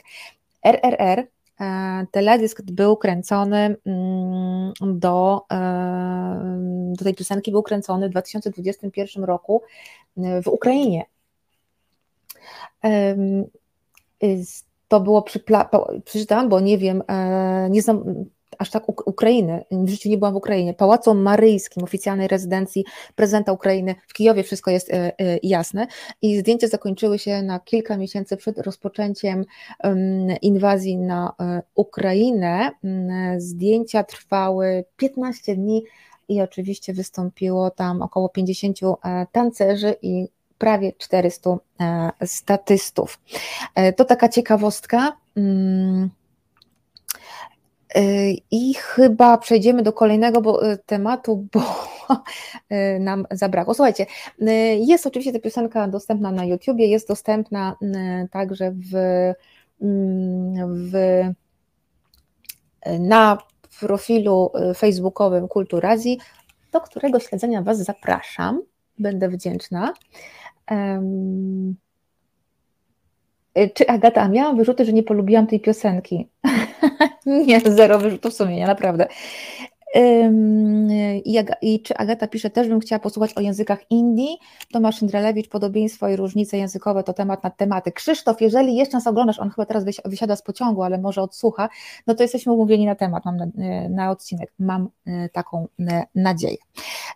Kolejny bardzo ciekawy ten azjatycki akcent to już para aktorów. I to z jednego filmu, właściwie cały nawet film, e, czyli e, Wszystko Wszędzie e, Naraz. Jeżeli nie oglądaliście tego filmu, to koniecznie go obejrzyjcie, bo tak, czegoś tak odjechanego, tak zwariowanego, ja nie widziałam dawno, a oglądam filmów, mm, delikatnie mówiąc, bardzo dużo, jeśli nie więcej niż bardzo dużo. Film opowiada o chińskiej imigrantce, w tej roli Michelle Yeoh, E, I o niej też zaraz powiem. E, I ona spełnia American Dream. Prowadzi pralnię, dobrze jej, e, Bella, kosmiczny film, no dokładnie, dokładnie tak. Jest zwykłą, przeciętną chińską imigrantką, która boryka się z typowymi dla chińskich imigrantów w Ameryce problemami. Po czym nagle się okazuje, że musi też uratować wszechświat, nie jeden uniwersum, nawet kilka uniwersów. Nie powiem Wam więcej, bo po prostu kosmos, odlot.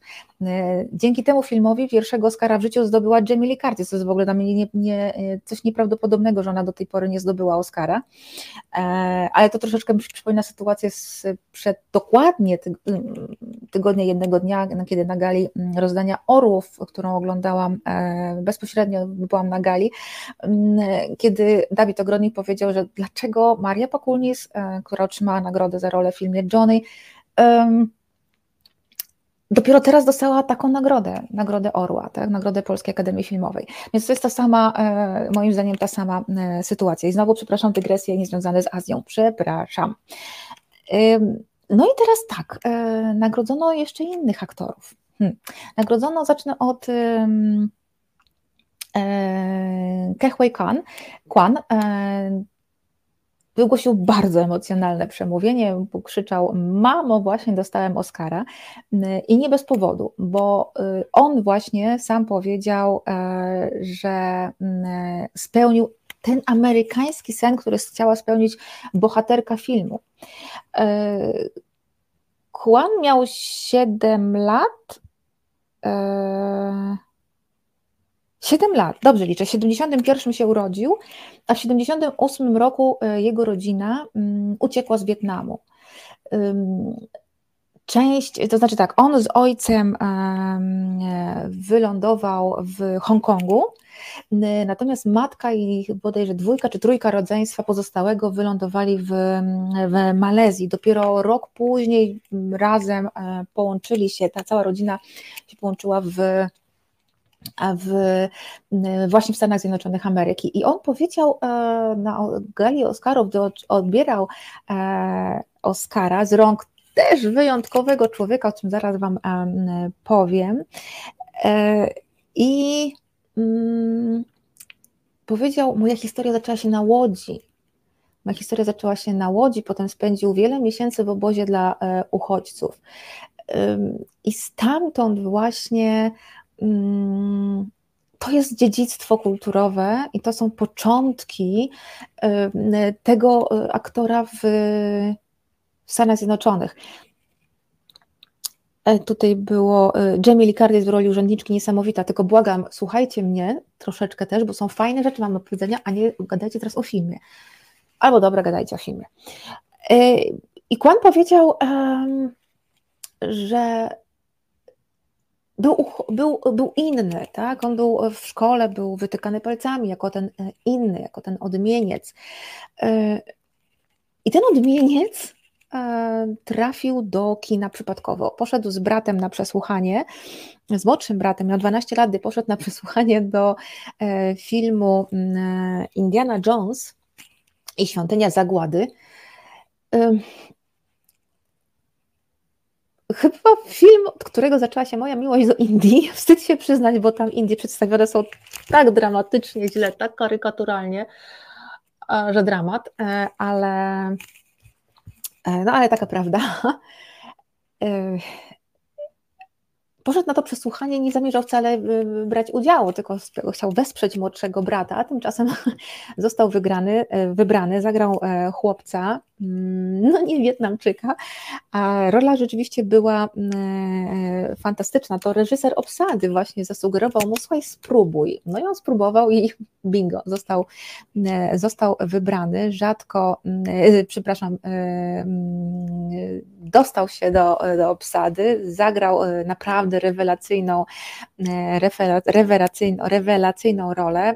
Film kręcony był nie w Indiach, tylko na Sri Lance. I jak dzisiaj wspomina, czy później też w ogóle wspominał aktor, to był najszczęśliwszy okres w jego życiu, jeden z najszczęśliwszych okresów w jego życiu. No i też okres, który rozpoczął jego karierę dziecięcej gwiazdy, bo potem zagrał jeszcze w kilku serialach i filmach. No po czym um, po czym ta kariera trochę przyhamowała. Co bardzo ważne, dzisiaj Kwan mówi, że Steven Spielberg, reżyser e, filmu, mm, jako pierwszy pokazał azjatycką twarz e, w blockbusterze. Tak, czyżby odtwarzał rolę tego cwaniaczka ratującego tył jak Jonesa. dokładnie, e, dokładnie to był on. Mm, to był właśnie on. I, i właśnie on mówi do dzisiaj, że no wiadomo, że pewne rzeczy w tym filmie są krytykowane, to jak Spielberg przedstawił Indię jest krytykowane, e, bardzo słusznie krytykowane, no ale on jako pierwszy właśnie w blockbusterze pokazał azjatycką e, e, twarz. I e, niestety potem, w miarę jak e, dorastał, e, nie był już gwiazdą, e, e, to kariera wyhamowała. Na wiele lat wyhamowała. On sam powiedział, że bardzo ciężko jest w kinie przejść z roli dziecięcej gwiazdy do dorosłego aktora. Natomiast jeśli jest się Azjatą, to jest to tysiąc razy e, trudniejsze. I jemu się to nie udało. Jemu się to nie udało. Mm, musiał zrezygnować z marzeń, chociaż nie do końca, jak się okaże, e, zajął się mm, pracą za kulisami filmu, nie zrezygnował z przemysłu e, filmowego, był asystentem reżysera, koordynatorem kaskaderów, natomiast no, e, nie stanął przed kamerą. Mm, dopiero w 2018 roku, kiedy był po 50, Zachwycił go sukces filmu Nieprzyzwoicie bogaci Azjaci, bajecznie bogaci Azjaci, jakoś tak to było po polsku i stwierdził, że on musi jeszcze raz e, e, spróbować.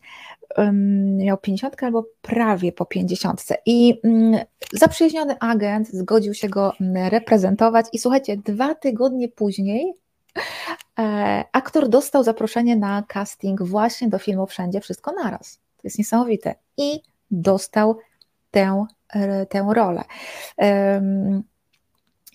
Nic więc dziwnego, że odbierając Oscara mówił o tym, żeby nigdy nie rezygnować z marzeń. Nigdy. Nigdy się nie poddawać. I no i Oskar zadedykował, e, zadedykował mamie. Powiedział, że jego 84-letnia matka ogląda e, teraz e, ceremonię wręczenia Oscarów i ogląda swego syna, który podróż do Stanów zaczął w łódce imigrantów, uchodźców, a skończył e, na wielkiej scenie, największej scenie Hollywood, Dolby Theatre w Los Angeles. E, no łzy były, e, to było bardzo wzruszające. Tym bardziej, że mm, nagrodę odebrała też jego filmowa żona, Michelle Yeoh, której już e, wspomniałam, też wyjątkowa mm, e, kobieta, bo e, też mówiła o spełnianiu marzeń i żeby się nigdy nie poddawać. Ona skierowała mm, przez swoje słowa do kobiet w wieku powiedzmy, jak to niedawno powiedziała mi jedna z aktorek właśnie w wywiadzie, po trzydziestce. Nie tylko aktorek, ale do kobiet tak po 30. Mówiły, żebyśmy nigdy, i to do mnie bardzo trafiło, mm, żebyśmy nigdy nie dały sobie wmówić, że nasz wiek świetności minął, że nasz czas świetności, mm, ja mówię czas przydatności do użycia, minął i nigdy nie rezygnujcie z marzeń. No nie wiem, jakoś do mnie to bardzo przemówiło. Mm, I ona też oczywiście mówiła o wszystkich dzieciach, E, które wyglądają tak jak ona i które oglądają tę galę, że ta nagroda dla nich właśnie, oczywiście chodzi o e, Azjatów, jest e, czymś, co pokazuje, jest dowodem na to, że wszystko jest możliwe. No i z tych marzeń się nie rezygnuje. Gdzie się zaczęły te marzenia? W Malezji. Michelle Yeoh urodziła się w Malezji, w zamożnej rodzinie. Marzyła o tym, żeby być tańcerką baletową, nawet uczyła się w E, Royal Academy of Dance w Londynie, ale niestety kontuzja pleców sprawiła, że musiała z tego marzenia zrezygnować. Chciała założyć szkołę baletową, e, ale właśnie w tym, w tym czasie jej matka zgłosiła ją na wybory Miss, um, Miss Malezji. No i się zaczęło. Michelle Yeoh wygrała te wybory. I biznes, show biznes od razu się o nią e, upomniał. E, zagrała w jednej reklamie z samym Jackiem Chanem, czyli gwiazdorem e, kina z Hongkongu, gwiazdorem kina akcji. I dzięki temu, tej reklamie podpisała kontrakt z agencją gwiazd produkcyjną w Hongkongu i y, dzięki temu e, z kolei po jakimś czasie, dosyć e, szybkim, bo po roku, dwóch stała się gwiazdą kina Hongkong, hongkońskiego, strasznie trudne jest to dla mnie, kina Hongkongu. Ona już w 1984 roku zadebiutowała na dużym ekranie w, w kinie akcji. I tam, tam znalazła, odkryła nową miłość, czyli sztuki walki, bo tam e, rzeczywiście zobaczyła, bardzo mocno aktorzy używali właśnie e, sztuk e, walki na tym, na tym, na planie było dużo sekwencji walk. I Michelle Yeoh, jak mówiła, potem odkryła, że to właściwie przypomina jej balet, że to przypomina balet, i może zastąpić jej dawną miłość. Oczywiście zaczęła bardzo intensywnie uprawiać e, sztuki walki, widocznie kontuzja e, e, kręgosłupa na to już pozwalała, może się poprawiło, nie wiem. Mnie też kontuzja kolana przerwała karierę tenisową, a, potem zaczęłam tańczyć, jak się poprawiło, mm, więc, więc wszystko jest, wszystko jest możliwe. No i Michelle Yeoh właśnie bardzo intensywnie ćwiczyła i e, okazała się bardzo zdolna, bardzo elastyczne. Ciało miała no, elastyczne po latach ćwiczenia baletu. E, szybkość, zwinność też e, były jej e, takimi cechami e, charakterystycznymi. No i dzięki temu w kolejnych e, filmach bardzo często pokazywała swoje nowo nabyte umiejętności w zakresie sztuk sztuk walki bardzo dużo grała, no ale potem e, postanowiła założyć rodzinę, wyszła za mąż. E, niestety dla niej, ale stety dla kina, na szczęście dla kina, nie mogła mieć e, dzieci. Nie wiem, czy to doprowadziło do rozwodu, niemniej rzeczywiście się rozwiodła i w 1992 roku postanowiła wrócić do kariery aktorskiej. Na szczęście wróciła. Dalej rzeczywiście grała w kinie e, Hongkongu, e, była niekwestionowaną gwiazdą e, kina akcji między innymi. Raz nawet, o ile pamiętam, to miała groźny wypadek, tam chyba doszło prawie do złamania kręgosłupa. Na szczęście wszystko dobrze się skończyło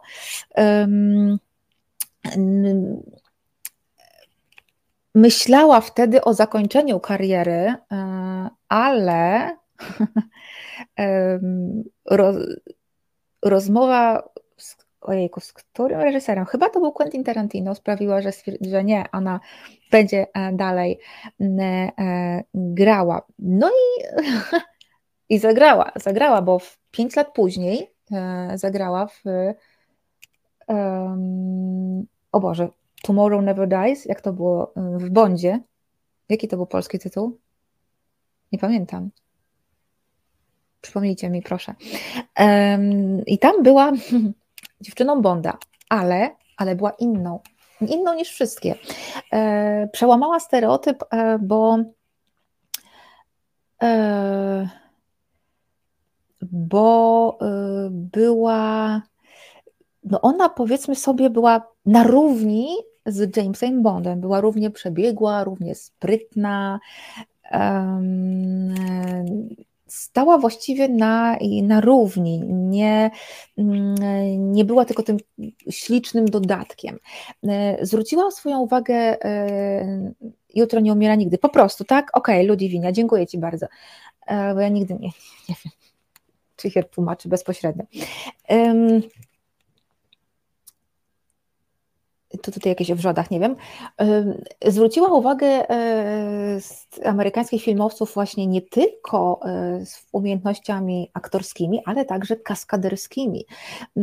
I dzięki temu później no, zagrała w Jutro nie umiera nigdy. Dziękuję bardzo, to potwierdzamy. Um,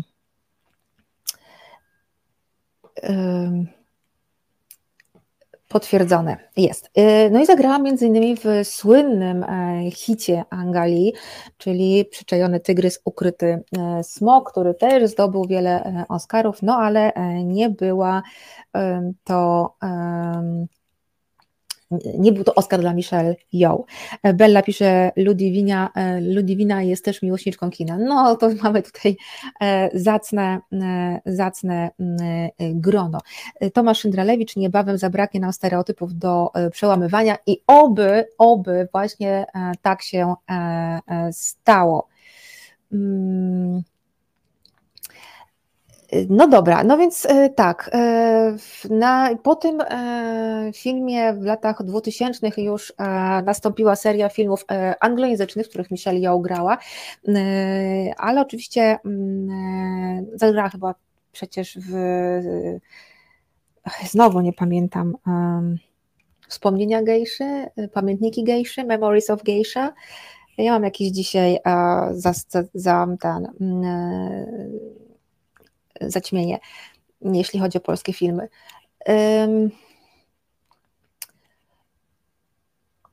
Teraz e, dalej, zagrała też w filmie Lady, ona tam wcieliła się w Aung San Suu Kyi, czyli przywódczynię Birmy, Mianmy.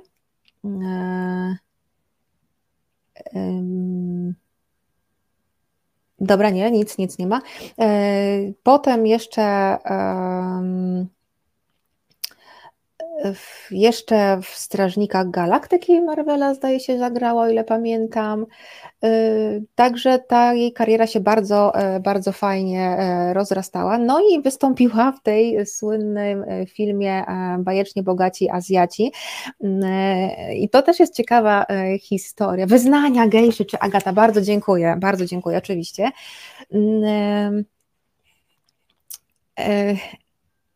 Dlaczego ten film mówię, że jest ważny? Dlatego, że przecież od tego filmu, po obejrzeniu tego filmu, po sukcesie tego filmu, jej mąż z filmu Wszystko Wszędzie Naraz postanowił wrócić do aktorstwa.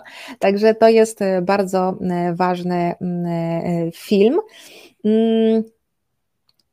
No i, no i wreszcie to wszystko doprowadziło ją do dnia 12 zresztą już był chyba 13, 13 e, marca 2023 roku, kiedy otrzymała Oscara za najlepszą e, pierwszoplanową rolę e, kobiecą.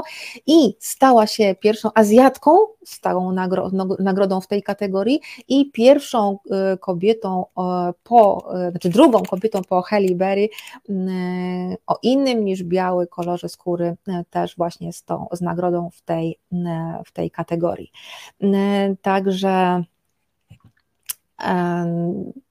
taka była e, e, droga, no nieco łatwiejsza e, niż jej filmowego męża, ale zapewne też nie, nie, niełatwa. To, co ja, to, czym ja jestem zachwycona, to tym, że jednak właśnie to kino azjatyckie i aktorzy azjatyccy coraz bardziej się na,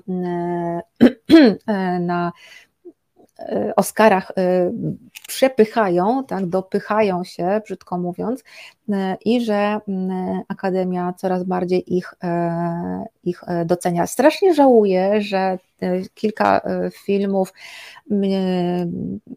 wschodnich, powiedzmy, nie nie przeszło z długiej listy na krótką, jeśli chodzi o kategorię najlepszy film nieanglojęzyczny. Tam było no też było kilka mm, bardzo, bardzo ciekawych e, obrazów, chyba najbardziej żal mi pakistańskiego e, filmu.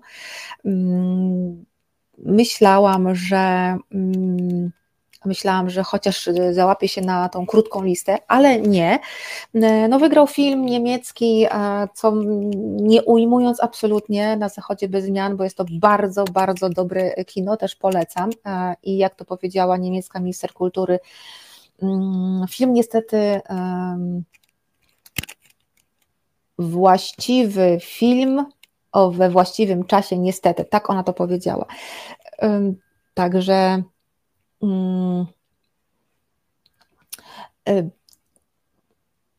Także ten film zasłużenie wygrał, ale też było to e, łatwe do e, przewidzenia, że w obecnej sytuacji wygra film o jawnie antywojennej wymowie. No tutaj raczej niespodzianki e, nie było, chociaż pewnie trzymaliśmy kciuki za i o Jerzego Skolimowskiego, który tydzień wcześniej święcił triumfy na gali rozdania orłów, czyli polskich Oscarów. Cecylia C. Marzenia się spełniają. No właśnie, marzenia się spełniają i to jest bardzo, bardzo dobry akcent na koniec. Ja powiem, że tak, po, po sobie wiem, że marzenia się spełniają, albo raczej marzenia się, się spełnia, albo po prostu marzenia się spełniają, ale trzeba im troszeczkę pomóc. Trzeba ruszyć z tymi skrzydełkami, e, a potem e, e, już wszystko idzie. Wiem, bo sama wyszłam ze strefy komfortu od dwóch lat, półtora roku. Od półtora roku, no nie. No tak, prawie półtora roku już wychodzę ze strefy komfortu. To boli, ale daje bardzo fajne, daje bardzo fajne efekty. Dzięki temu jestem tutaj z Wami. Dzięki temu, że Radek e, wyciągnął mnie z strefy mojego komfortu. Y, dobra, no to w takim razie tym optymistycznym akcentem e, na marzenia trzeba wyrobić e, normę. No i tym optymistycznym akcentem właśnie kończymy dzisiejszy program Azja Incognita. Mam nadzieję, że w tym samym o, właśnie, Cecylia C. Trzeba samemu zacząć je spełniać. Dokładnie tak. Eee... Kapitan Stratton, mam nadzieję, że prezes nie słyszał o spełnianiu marzeń. Też mam taką, e, taką e, nadzieję. I tym optymistycznym akcentem kończymy e, dzisiejsze wydanie. Mm, Azja Incognita. Zapraszam za tydzień. E, nie zdradzam, jaki będzie e, temat, ale może, może odniesiemy się do słów Adama Glapińskiego z ostatniej konferencji. E, były bardzo, bardzo ciekawe. Zobaczymy, czy to będzie w tym, w przyszłym tygodniu, czy jeszcze w następnym. Może połączymy się z Pakistanem. No, możliwości jest trzema, jest kilka. Bella Marzeniu trzeba e, pomóc i ja się z tym jak najbardziej zgadzam i dziękuję Wam bardzo za dzisiaj w imieniu swoim i Maćka, który program realizował.